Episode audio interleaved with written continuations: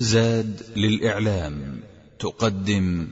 الحمد لله رب العالمين وصلى الله على نبينا محمد وعلى آله وصحبه أجمعين. وبعد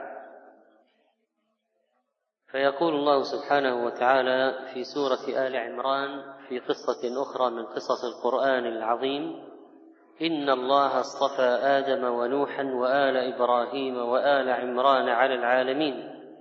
ذرية بعضها من بعض والله سميع عليم. إذ قالت امرأة عمران رب إني نذرت لك ما في بطني محررا فتقبل مني إنك أنت السميع العليم. فلما وضعتها قالت رب إني وضعتها أنثى والله أعلم بما وضعت وليس الذكر كالأنثى. وإني سميتها مريم وإني أعيذها بك وذريتها من الشيطان الرجيم. فتقبلها ربها بقبول حسن وأنبتها نباتا حسنا وكفلها زكريا كلما دخل عليها زكريا المحراب وجد عندها رزقا قال يا مريم أنى لك هذا؟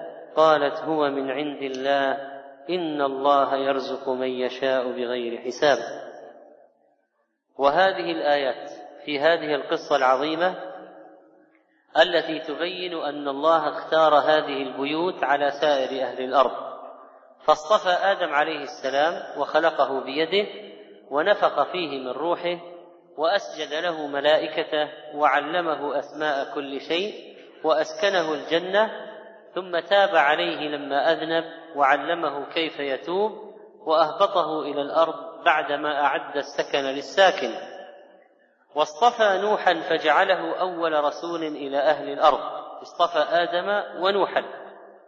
اصطفاه حين عبدت الأوثان ووفقه للصبر والاحتمال والشكر والدعوة إليه في جميع الأوقات سرا وجهرا وليلا ونهارا.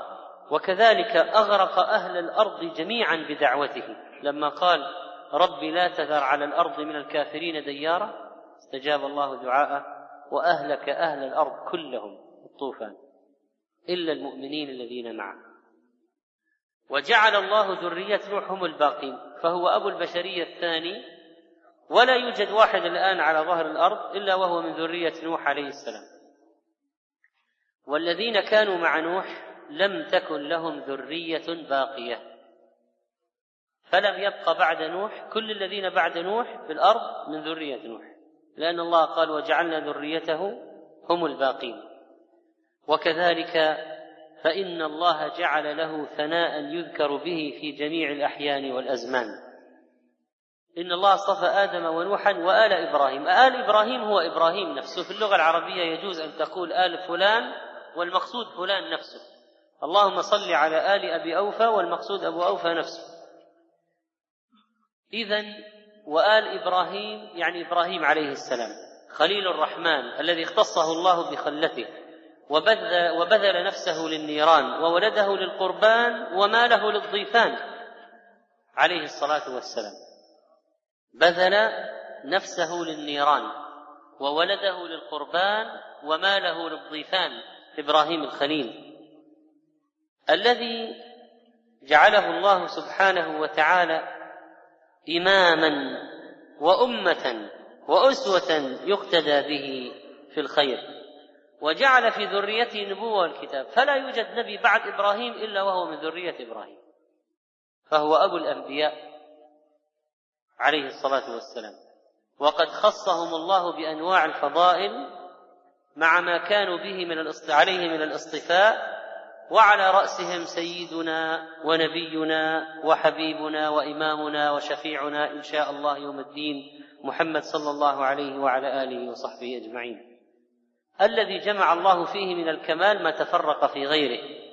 ففاق الأولين والآخرين وكان سيد الأنبياء والمرسلين وهو من ولد إبراهيم. وقال عز وجل إن الله اصطفى آدم ونوحا وآل إبراهيم وآل عمران. آل عمران المراد به عمران. من هو عمران؟ إنه والد مريم بنت عمران أم عيسى ابن مريم عليه السلام. فإذا عمران جد عيسى. عمران جد عيسى. أبو أمه هو أبو مريم. هذه البيوت التي ذكرها الله في كتابه من صفوة الخلق. فيها صلاح متسلسل وتوفيق في الذرية ولهذا قال ذرية بعضها من بعض. والله سميع عليم. وهو الذي يعلم من يستحق الاصطفاء فيصطفيه ومن لا يستحق فيخذل فيخذله ويرديه. الله أعلم حيث يجعل رسالته. لقد اختارهم الله لما علم من أحوالهم التي تؤهلهم للاصطفاء وأخبرنا بأخبار لهم لنقتدي بهم فيها.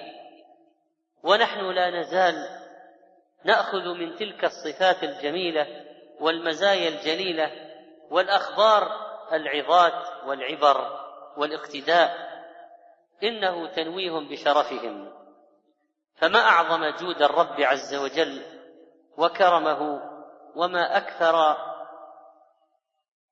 الشرف الذي منحهم إياه وخلد ذكرهم أذكارهم مخلدة ومناقبهم مؤبدة وكفى بهم فضلا ولما ذكر فضائل هذه البيوت الكريمة ذكر ما جرى لوالدة عيسى وهي مريم وكيف لطف الله بها في تنشئتها وتربيتها من أول أمرها. إن صلاح مريم كان من صلاح أمها وصلاح أبيها. ما كان أبوك امرأ سوء وما كانت أمك بغيا بشهادة القوم. من هي أمها؟ إنها امرأة عمران. إذ قالت امرأة عمران رب إني نذرت لك ما في بطني محررا فتقبل مني.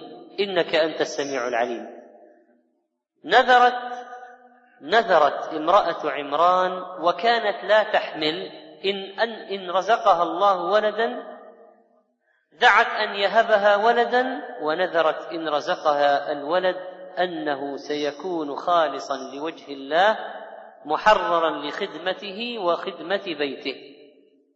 إني نذرت لك ما في بطني محررا كان من العبادات عندهم أن ينذر الولد لخدمة بيت المقدس يقوم على المسجد يخدم أهله ويخدم المسجد وقف على المسجد. فهذه المرأة الصالحة نذرت ان رزقها الله ولدا أنه خالص محرر وأنه نذر لذلك المسجد العظيم بيت المقدس. إنك أنت السميع العليم. السميع لدعائي العليم بنيتي. وهكذا سألت ربها أن يتقبل عملها وأنه يعلم قصدها ونيتها وهذا كان في البطن قبل أن تضع. فطلبت الولد ليشتغل بطاعة الله لا ليحصل لها ما يطمع الناس أن يحصل لهم بأولادهم من الاستئناس والمعونة ونحو ذلك. قال العلماء وهكذا ينبغي لكل من طلب ولدا أن يطلبه على هذا الوجه لطاعة الله. يعني أن تكون النية في الولد. ابتغوا ما كتب الله لكم. يعني إذا وطئ الزوجه أن ينوي بالولد أن يكون عالما مجاهدا ينفع الدين ينفع الأمة عابدا زاهدا إماما. نيته في الولد أن يكون هذا الولد صالحا أن يكون هذا الولد مجاهدا. يريده لخدمة الدين. كما أراد سليمان عليه السلام فاته الاستثناء بالمشيئة فلم يتم له الأمر وإلا لكان شيئا آخر. قال سليمان عليه السلام لأطوفن الليلة على تسعين امرأة. كلهن تأتي بفارس يجاهد في سبيل الله. يعني ما هي نية سليمان في وطئ الزوجات؟ أو الإماء؟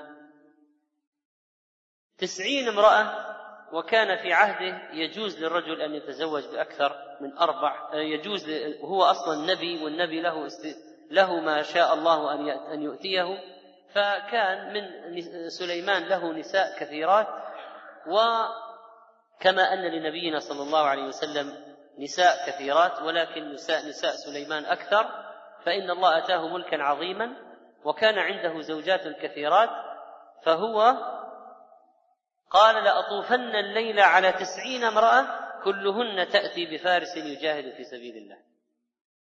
إذا لم تكن نيته أن يأتي بولد يستعين به إذا كبر.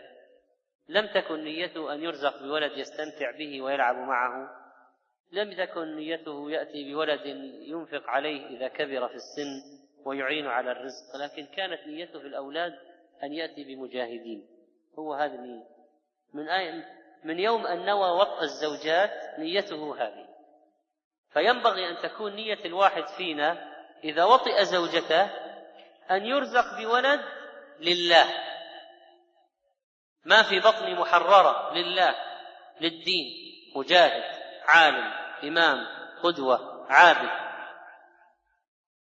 لا لأطوفن الليلة على تسعين امرأة كلهن تأتي بفارس يجاهد, يجاهد في سبيل الله. فقال له صاحبه يعني الملك قل إن شاء الله. فلم يقل إن شاء الله نسي. فطاف عليهن جميعا فلم يحمل منهن فلم يحمل منهن إلا امرأة واحدة جاءت بشق رجل نصف مخلوق بس. ويم الله يقول النبي عليه الصلاة والسلام ويم يعني وأيمن جمع يمين ولله يمين. ويم الله ويم الذي نفس محمد بيده لو قال إن شاء الله لجاهدوا في سبيل الله فرسانا أجمعون. لو قال إن شاء الله لجاهدوا في سبيل الله فرسانا أجمعون رواه البخاري. لم تكن امرأة عمران تعلم ما في بطنها هل هو ذكر أم أنثى. فلما وضعتها قالت رب إني وضعتها انثى والله أعلم بما وضعت وفي قراءة والله أعلم بما وضعت. كانت تتمنى ذكرا ليكون أقدر على الخدمة والوقف على المسجد وأعظم موقعا. ففي كلامها نوع من الاعتذار إلى الله تعتذر إلى ربها أنها كانت تتمنى ذكرا لكنها لكن قدر الله أنثى. وليس الذكر كالأنثى. ليس الذكر كالأنثى في القوة ولا في الجلد في العبادة ولا في خدمة المسجد. وليس الذكر كالأنثى.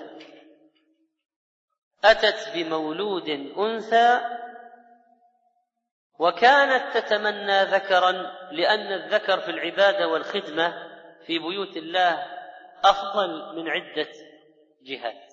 اولا أن الذكر أقوى على الخدمة. ثانيا أنه يصح أن يستمر على الخدمة في مكان العبادة بخلاف الأنثى لما يعتريها من الحيض.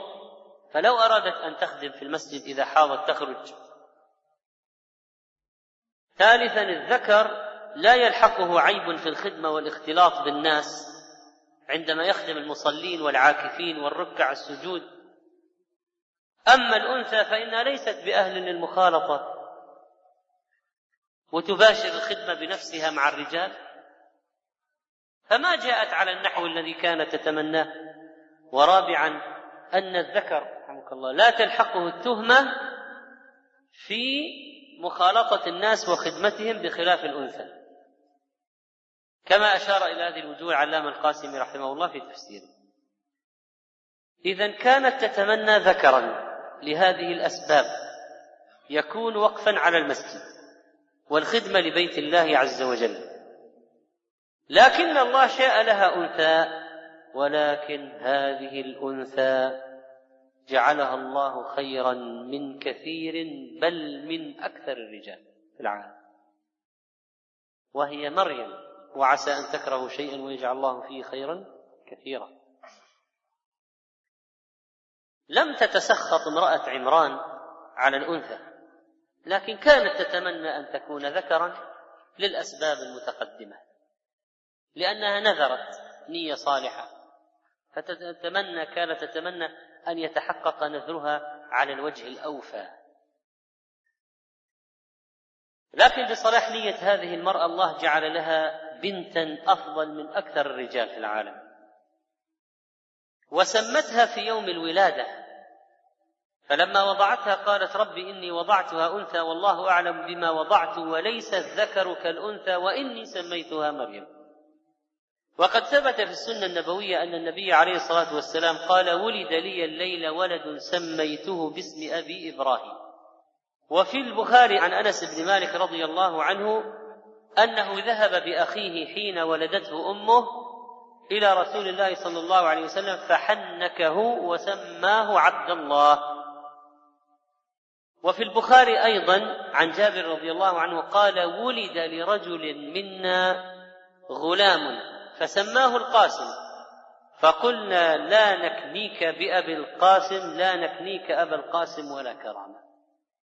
كيف نجعل لك كنية مثل كنية الرسول؟ عليه الصلاة والسلام. فأخبر النبي صلى الله عليه وسلم فقال سم ابنك عبد الرحمن.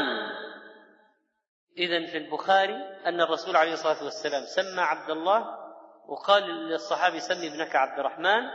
وأحب الأسماء إلى الله عبد الله وعبد الرحمن فالتسمية بهما سنة والتسمية بهما أكثر أجرا من التسمية بغيرهما. وقد ثبت عن النبي صلى الله عليه وسلم من قوله وفعله. قال سمي ابنك عبد الرحمن وسمى ذاك الولد عبد الله. وقال أحب الأسماء إلى الله عبد الله وعبد الرحمن لأن التعبير عن العبودية لهذين الاسمين أفضل الأسماء أفضل أسماء الله عز وجل الله لفظ الجلالة. وقال كثير من العلماء إنه هو الاسم الأعظم الله. يليه في الأفضلية الرحمن. اذا أحب الأسماء أحب أسماء الله إلى الله الله. وأحب أسماء الله إليه بعد اسم الله هو الرحمن ولذلك كان التعبيد بهما أفضل من التعبيد بغيرهما. يعني يمكن إنسان يسمي بعبد الرحيم وعبد السميع وعبد العليم لكن عبد الله وعبد الرحمن أفضل. وقد يقول قائل إن هناك حديثا صحيحا عن النبي صلى الله عليه وسلم أنه قال كل غلام مرتهن بعقيقته تذبح عنه يوم السابع ويسمى ويحلق رأسه. وهذا ظاهره أن التسمية تكون في اليوم السابع. فالجواب كلاهما سنة. تسميته في اليوم الأول سنة وفي اليوم السابع سنة وفي غيرهما لا بأس به. غير أن بعضهم قال بدل يسمى يدمى. وقال بعضهم تلطيخ رأس الولد بالدم وهذا غلط ولا وليس من الشرع في شيء. إنما هي ذبح العقيقة. يوم السابع تذبح عقيقته. وكذلك فإن مريم عوذت بالله من الشيطان الرجيم. من قبل أمها فقالت امرأة عمران لما ولدتها وإني أعيذها بك وذريتها من الشيطان الرجيم. فعوذتها بالله وعوذت ذريتها بالله. فنظرت امرأة عمران بعيدة. ولم يكن دعاؤها لابنتها فقط وإنما دعاؤها أيضا لذرية ابنتها. وإني أعيذها بك وذريتها. وبفضل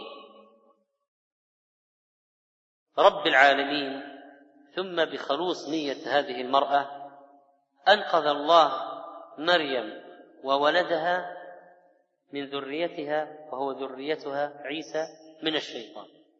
فقال النبي صلى الله عليه وسلم ما من مولود يولد إلا مسه الشيطان حين يولد فيستهل صارخا. من مسه إياه إلا مريم وابنها. ثم يقول أبو هريرة اقرأوا إن شئتم وإني أعيذها بك وذريتها من الشيطان الرجيم. فجاء إبليس ليطعن على العادة في خاصرة المولود فطعن في الحجاب ولم يضر ذلك مريم ولا ولدها عيسى لما ولد. لم يستطع الشيطان أن يصل بطعن طعنة أصبعه إليهما. طعن في الحجاب في المشيمة وما ما استطاع أن يصل إلى مريم عندما ولدت ولا إلى عيسى عندما ولد. فتقبلها ربها بقبول حسن وأنبتها نباتا حسنا. في بدنها وخلقها فجعلها شكلا مليحا ومنظرا بهيجا وخلقها وجعلها من الصالحين وقرنها بالصالحين تتعلم منهم العلم والخير والدين. وقال فتقبلها وليس فقبلها لأن التقبل أبلغ من القبول لأن التقبل هو قبول مع رضا وإثابة. تقبل قبول مع رضا وإثابة. ولهذا تقبلها وكفلها زكريا. جعله كافلا لها وقدر لها زكريا ليكفلها لكي تقتبس من علمه علما جما ومن عمله عملا صالحا وكان زكريا زوج خالتها وقيل زوج أختها لما ورد في حديث مسلم في قصة المعراج فإذا بيحيى وزك فإذا بيحيى وعيسى وهما ابناء الخالة. فإذا بيحيى وعيسى وهما ابناء الخالة. اذا عيسى ابن خالة يحيى ويحيى ابن خالة عيسى معنى ذلك أن أم يحيى وأم عيسى أختان. اذا مريم وأم يحيى أختان. زكريا زوج أم يحيى يكون زوج أخت مريم. زكريا زوج أخت مريم. أخت مريم أكبر من مريم. فهي التي ضمت مريم إليها عند زوجها زكريا النبي لتتربى في كنفه وتنشأ في بيته. ولذلك اكتسبت من أخلاق النبوة فإن زكريا كان نبيا عليه السلام. وهكذا نشأت تلك المرأة العظيمة مريم عليها السلام في كنف زكريا عليه السلام. وكانت تلك الكافلة لها وإذا قلنا إنها خالة فإن النبي عليه الصلاة والسلام قال الخالة بمنزلة الأم. كانت مريم يتيمة نشأت يتيمة. قيل إنه أصابت بني إسرائيل سنة قحط ولذلك اضطرت مريم أن تكون عند زكريا ضمها إليه لينفق عليها. ولا منافاة بين القولين كما قال ابن كثير رحمه الله فنشأت في عبادة ربها وفاقت النساء تفرغت للعبادة وانقطعت ولزمت المصلى كلما دخل عليها زكريا المحراب.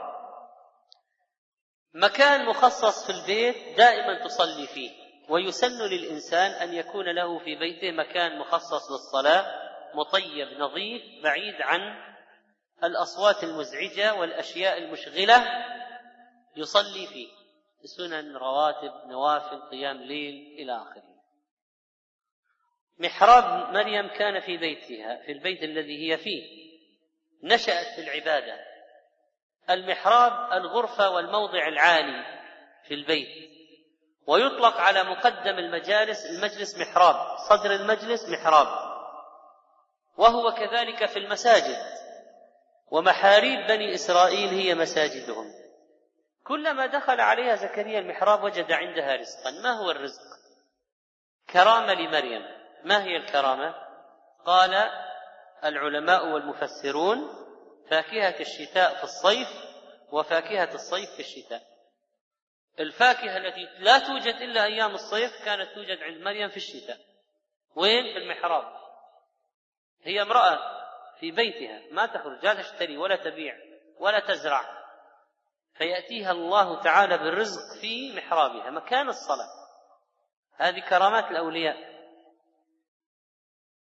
وليس أي أي طعام طعام نفيس بل لا يوجد عند غيرها. أي فاكهة الصيف في الشتاء والشتاء في الصيف. ولذلك كلما دخل عليها زكريا المحراب وجد عندها رزقا وكرامات الأولياء ثابتة عند أهل السنة والجماعة. كرامة الولي دون معجزة النبي معجزة النبي مقرونة بالتحدي. كرامة الولي ليست ليست مقرونة بالتحدي. معجزة النبي لكي يصدقه قومه فهي ظاهرة جلية. كرامة الولي ممكن تكون خفية لا يطلع عليها أحد وممكن تنشر وتعتبر من فضائله. لا يتحدث عنها هذا الشرط وإلا ما كان وليا الذي يفاخر بكرامته ويقول عندي كذا وصار لي كذا. كرامات الأولياء ثابتة عند أهل السنة والجماعة. كرامة الولي ومعجزة النبي يشتركان في قضية خرق العادة لكن المعجزة أعظم أعلى أشمل.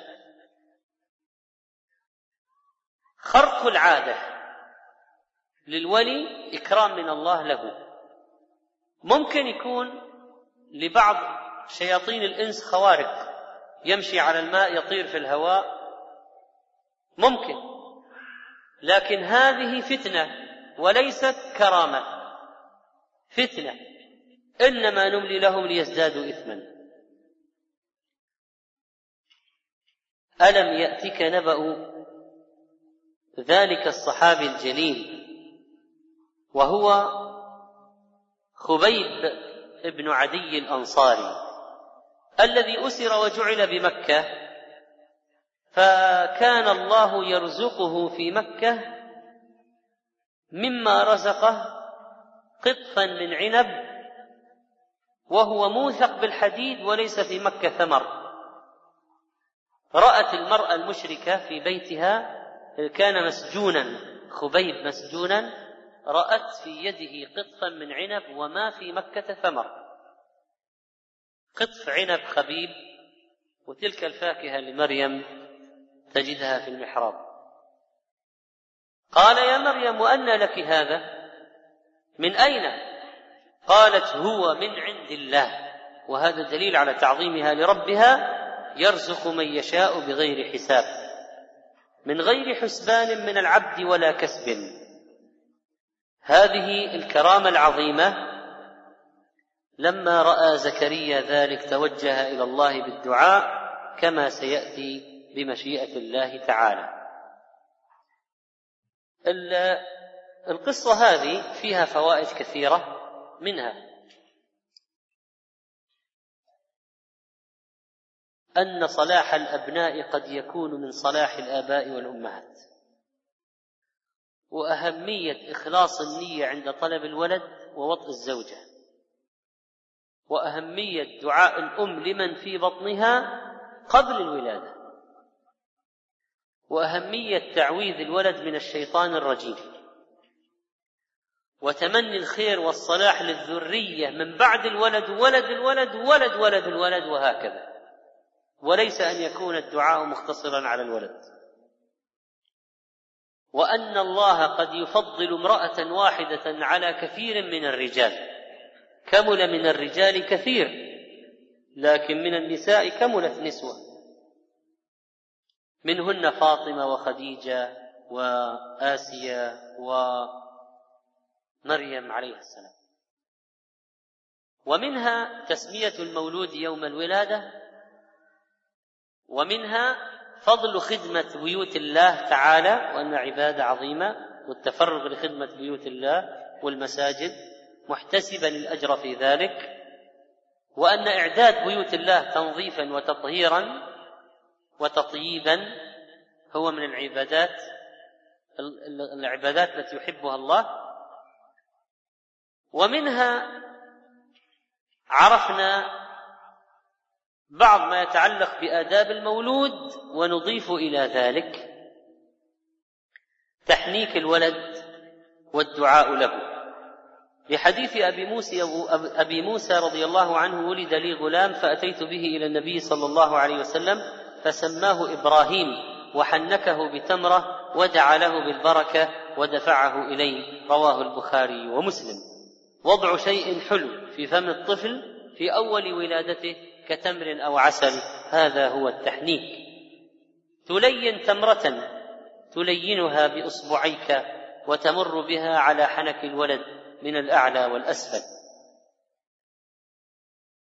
ثم تسميه في اليوم الأول أو في السابع ويجوز في أي يوم آخر. ثم العقيقة. عن الذكر شاتين وعن الأنثى شاة ويجوز أن يكون عن الذكر شاة واحدة لحديث عائشة قالت عق رسول الله صلى الله عليه وسلم عن الحسن والحسين يوم السابع وسماهما وفي الحديث الآخر عق عن الحسن والحسين كبشا كبشا.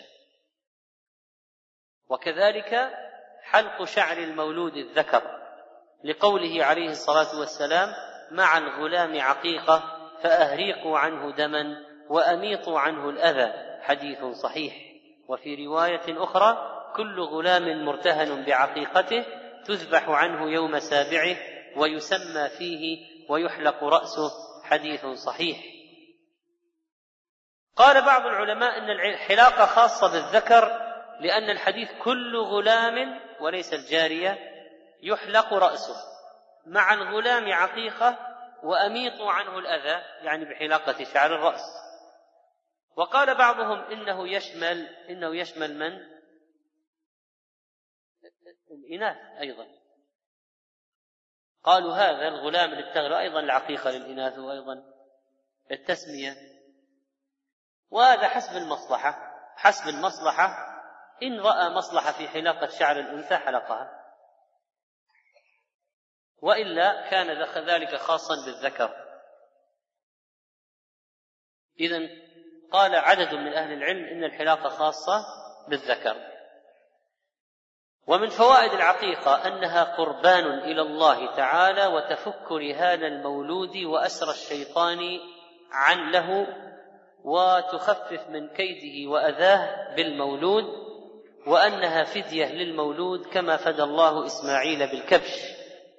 وأيضا فيها اجتماع الأقارب والأصدقاء ونفع الجيران وإنهار الدم شكرا لله على هذا المولود وعلى حياته. وكذلك الختان من سنن الفطرة يتعلق بالصبي وهو مكرمة في حق الإناث و مؤكد في حق الذكور ومن السنن المهجورة كما قلنا دهن رأس الولد بالزعفران بعد حلاقة رأسه والتصدق بوزن الشعر ذهبا أو فضة ولا يشترط أن يوزن الشعر المحلوق فإذا صعب يكفي أن تقدر بقيمة الورق النقدي ويتصدق بالمبلغ. وإذا كان فقيرا فيجوز أن يؤجل العقيقة ولو أجلها لسنوات ويجوز للإنسان أن يذبح العقيقة عن نفسه إذا لم يذبحها عنه أبوه لجهل أو ضيق ذات اليد. وكذلك فإن حسن تربية المولود هي المهمة الأصعب بعد كل هذه السنن التي يقوم بها الأب أو من ينوب عنه.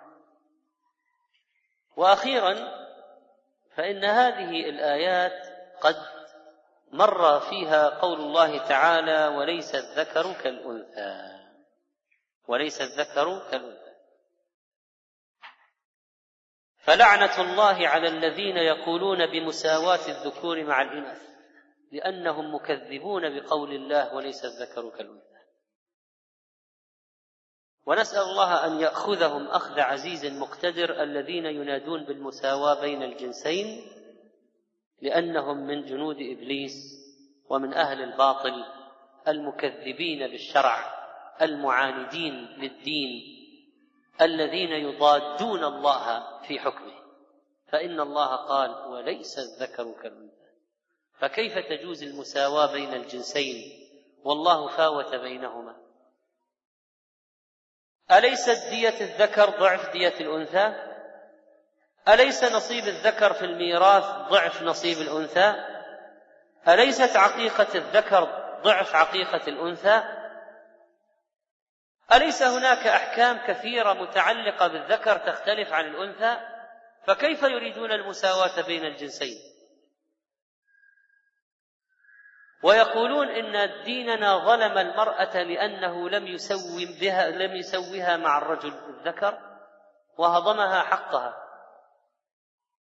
ألا يعلم من خلق وهو اللطيف الخبير هو الذي يعلم تركيبة الإناث وتركيبة الذكور وما يصلح لكل من الجنسين فتأكيدا لهذا الكلام تعالوا نستعرض بعض ما ورد من الفروق في الشريعة الإسلامية وفي الفقه بين الذكور والإناث. في مسألة الطهارة يغسل أثر بول الصبية التي لم تأكل الطعام بينما ينضح أثر بول الصبي الذي لم يأكل الطعام. النضح أسهل من الغسل. ثانيا الختان في حق النساء مكرمة وفي حق الرجال مؤكد واجب. ثالثا لا تحلق المرأة شعر رأسها لحاجتها إلى التجمل والتزين. لا يجوز للمرأة أن تحلق رأسها إلا لضرورة بينما الرجل يحلق رأسه في الحج والعمرة. لا يجوز للمرأة أن تمس طيبا عند الخروج بين الرجال بينما الرجل يتعطر. المرأة تضع الحناء وتنقش بينما الرجل لا يجوز له ذلك فهو من التشبه بالنساء. لباس المرأة يراعى فيه الستر والبعد عن التشبه بالرجال ويجوز لهن الذهب بينما الرجل لا يجوز له الذهب ولا الحرير بخلاف المرأة. ولا يجوز أن يلبس لبسة المرأة. في الصلاة المرأة لها عورة تختلف عن عورات الرجال فكلها عورة في الصلاة إلا الوجه واليدين. أما الرجل فعورته ما بين السرة والركبة وعليه ستر المنكبين. المرأة لا تؤذن الرجل يؤذن. الرجل يجهر بالقراءة عند وجود النساء المرأة لا تجهر بالقراءة عند وجود الرجال الأجانب.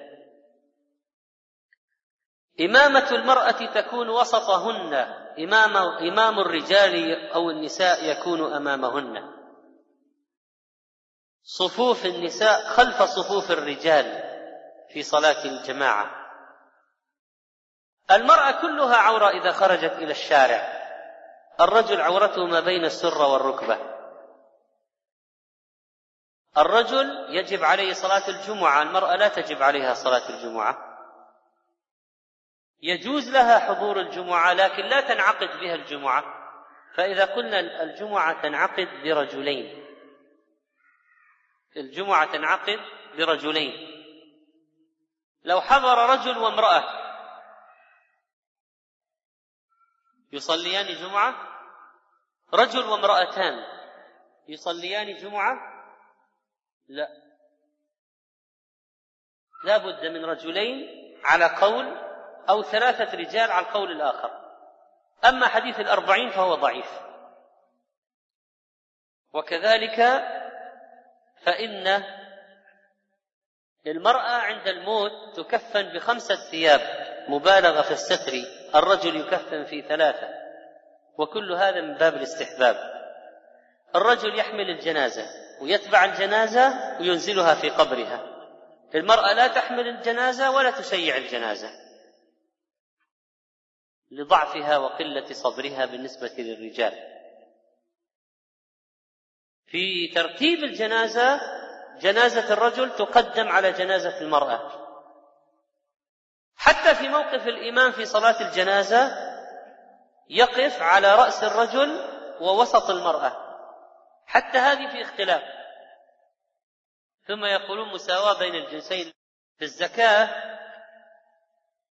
المرأة ممكن تدفع زكاة زوجها زكاة مالها للزوج الفقير لسداد دين عليه مثلا. لكن رجل ما يجوز أن يدفع زكاته لزوجته لأنه مكلف بالنفقة عليها. الرجل مكلف بالنفقة على المرأة المرأة غير مكلفة بالنفقة على الزوج. ولو كانت غنية. الرجل يصوم النافلة متى شاء. المرأة لا تصوم نافلة وهي متزوجة إلا بإذن الزوج. الرجل يخرج من بيته متى شاء المرأة ما تخرج إلا بإذن زوجها. الرجل يحج وحده المرأة لا بد لها من محرم في الحج. فلعنة الله على الظالمين. لا تذهب لحج النافلة إلا بإذن الزوج. حج الفريضة إذا وجدت محرما خرجت ولو بغير إذن الزوج إذا منع. المرأة تلبس المخيط في الإحرام. الرجل لا يلبس المخيط في الإحرام. المرأة لا ترفع صوتها في التلبية بحضرة الرجال الأجانب. الرجل عليه طواف الوداع ولا بد المرأة إذا حاضت ما عليها طواف وداع. الرجل يرمل ويطبع ويكشف الكتف الأيمن في الطواف طواف القدوم ويجري بين العلمين الأخضرين في السعي. يقطع الأبطح الوادي شدا. لكن المرأة ليس عليها ذلك ولا من السنة أنها تجري وليست من أهل الجلد في هذا. لا يجب على المرأة الجهاد يجب على الرجل الجهاد في حالات قد يكون فرض عين أو فرض كفاية. لا يجوز للمرأة أن تعقد النكاح بينما يعقده الرجل. لا يجوز أن تكون وكيلة في عقد النكاح بينما يكون الوكيل الرجل وكيلا في عقد النكاح. المرأة مقدمة على الرجل في حضانة الولد الصغير لأن أدرى برعايته وأكثر حنانا وعطفا منه حتى يستقل بنفسه الولد. شهادة المرأة غير شهادة الرجل. شهادة امرأتين تعدل شهادة رجل. لا يجوز مرأة أن تلي ولاية عامة كالقضاء والخلافة والإمارة وقيادة الجيش بينما الرجل يتولى ذلك. دية المرأة نصف دية الرجل. وكذلك فإنها لا تدخل في العاقلة ولا تحمل من دية الخطأ شيئا.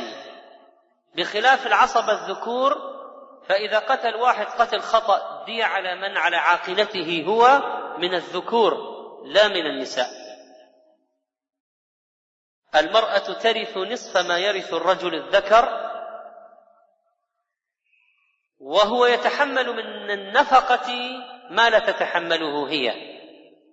المكلف زوجها بالإنفاق عليها. وكذلك فإن من قوامة الرجل على المرأة المهر والنفقة بينما المرأة ما تدفع مهرا للزوج إلا في الهند وهي عادة قبيحة سيئة. لا تملك المرأة الطلاق ولا تستطيع أن تطلق الزوج لكن الزوج يطلق. المرأة لا تستطيع أن تقول لزوجها أنت علي كظهر أبي ولا يجوز لها ذلك ولا للرجل ولكن لا ينعقد ظهارها ولا عليها كفارة ظهار لكن عليها كفارة يمين لو قالت أنت علي مثل أبي. وكذلك المرأة عليها عدة في الوفاة. الرجل إذا ماتت زوجته ما عليه عدة أربعة أشهر وعشر أيام. هذه من مؤامرات أعداء الإسلام التي يقوم بها في العصر الحاضر المنادى بالمساواة بين الجنسين ولو كان عندهم ذرة عقل لما نادوا بذلك. وليس الذكر كالأنثى فائدة عظيمة في هذه السورة نرد بها على أدعياء التقدم والحضارة وأذناب الغرب أتباع كل ناعق والله تعالى أعلم.